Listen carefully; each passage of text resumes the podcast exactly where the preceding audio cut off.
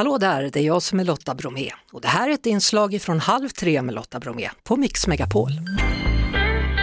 Välkommen till Halv tre, Hasse Aro. Tack så mycket. Fallen jag aldrig glömmer. Men du, innan vi börjar med det där. så ska vi flytta din mick lite högre. Ja, okej. Men innan vi börjar med det. Grattis till nomineringen till Guldörat.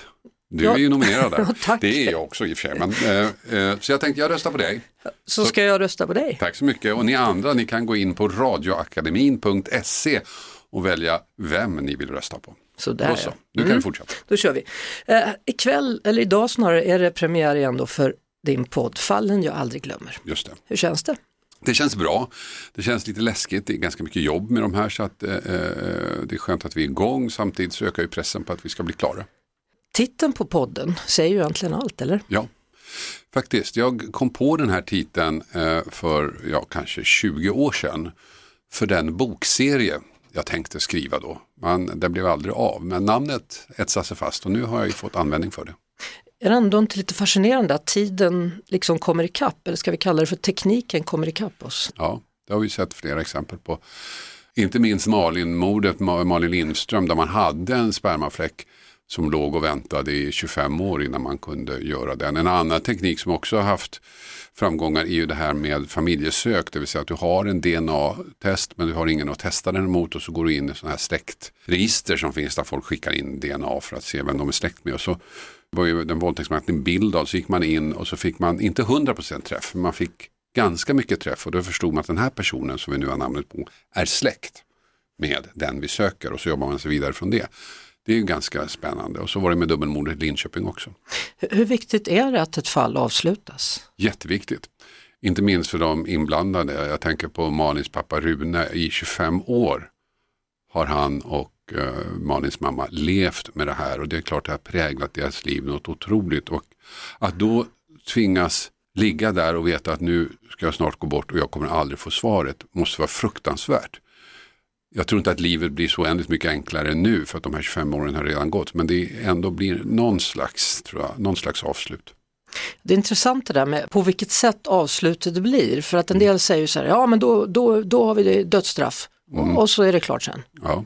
Och det har ju visat sig att i länder där man har dödsstraff så kanske det inte är det som det handlar om egentligen. Nej, men det är den erfarenheten jag har, att det handlar inte så mycket om straffet. Visserligen, eh, det får inte vara för lågt eller liksom provocerande lågt, men jag menar människor som har råkat ut för brott, de vill ha upprättelse.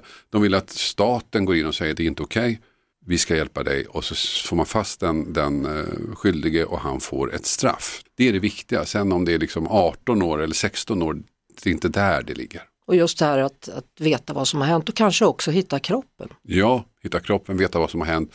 Men också få det här stödet tror jag från staten, att vi är på din sida. Att, att få en plats att sörja. Mm.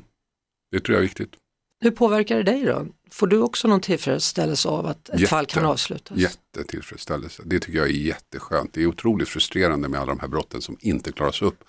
Och nu för tiden brott som man vet redan från början, det här kommer aldrig att klaras upp. Därför att det öppnar upp för en värld som ingen av oss vill leva i.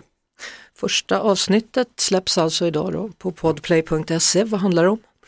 Det handlar om eh, politikern som var styck, eller blev styckmördare. Ja, hur var det med honom egentligen? Hörru? Ja, alltså det, det var hans kompis. Man var kompisar i 30 år. Superkompisar, liksom ringt varandra tiotals gånger om dagen. Var det superkompisar.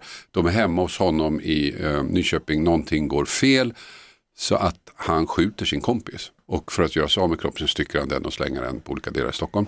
Eh, han själv hävdar ju då att eh, det var ett vådaskott. Men i övrigt så medger han att han har styckat kroppen och så. Då, det här är ju lite fascinerande måste man ju säga. Att, att det här är en helt vanlig människa som jobbar inom kriminalvården, är fritidspolitiker och förmår sig själv att kunna stycka en kropp. Jag vet inte vad det säger om samhällets Nej, men det där är ju det som har tillstånd. fascinerat mig i alla år. Liksom var, hur hög tröskel har man? Mm. Och det vet man aldrig förrän man ställs inför ett prov. Ikväll så får vi veta mer då om den här tröskeln och hur det kan vara.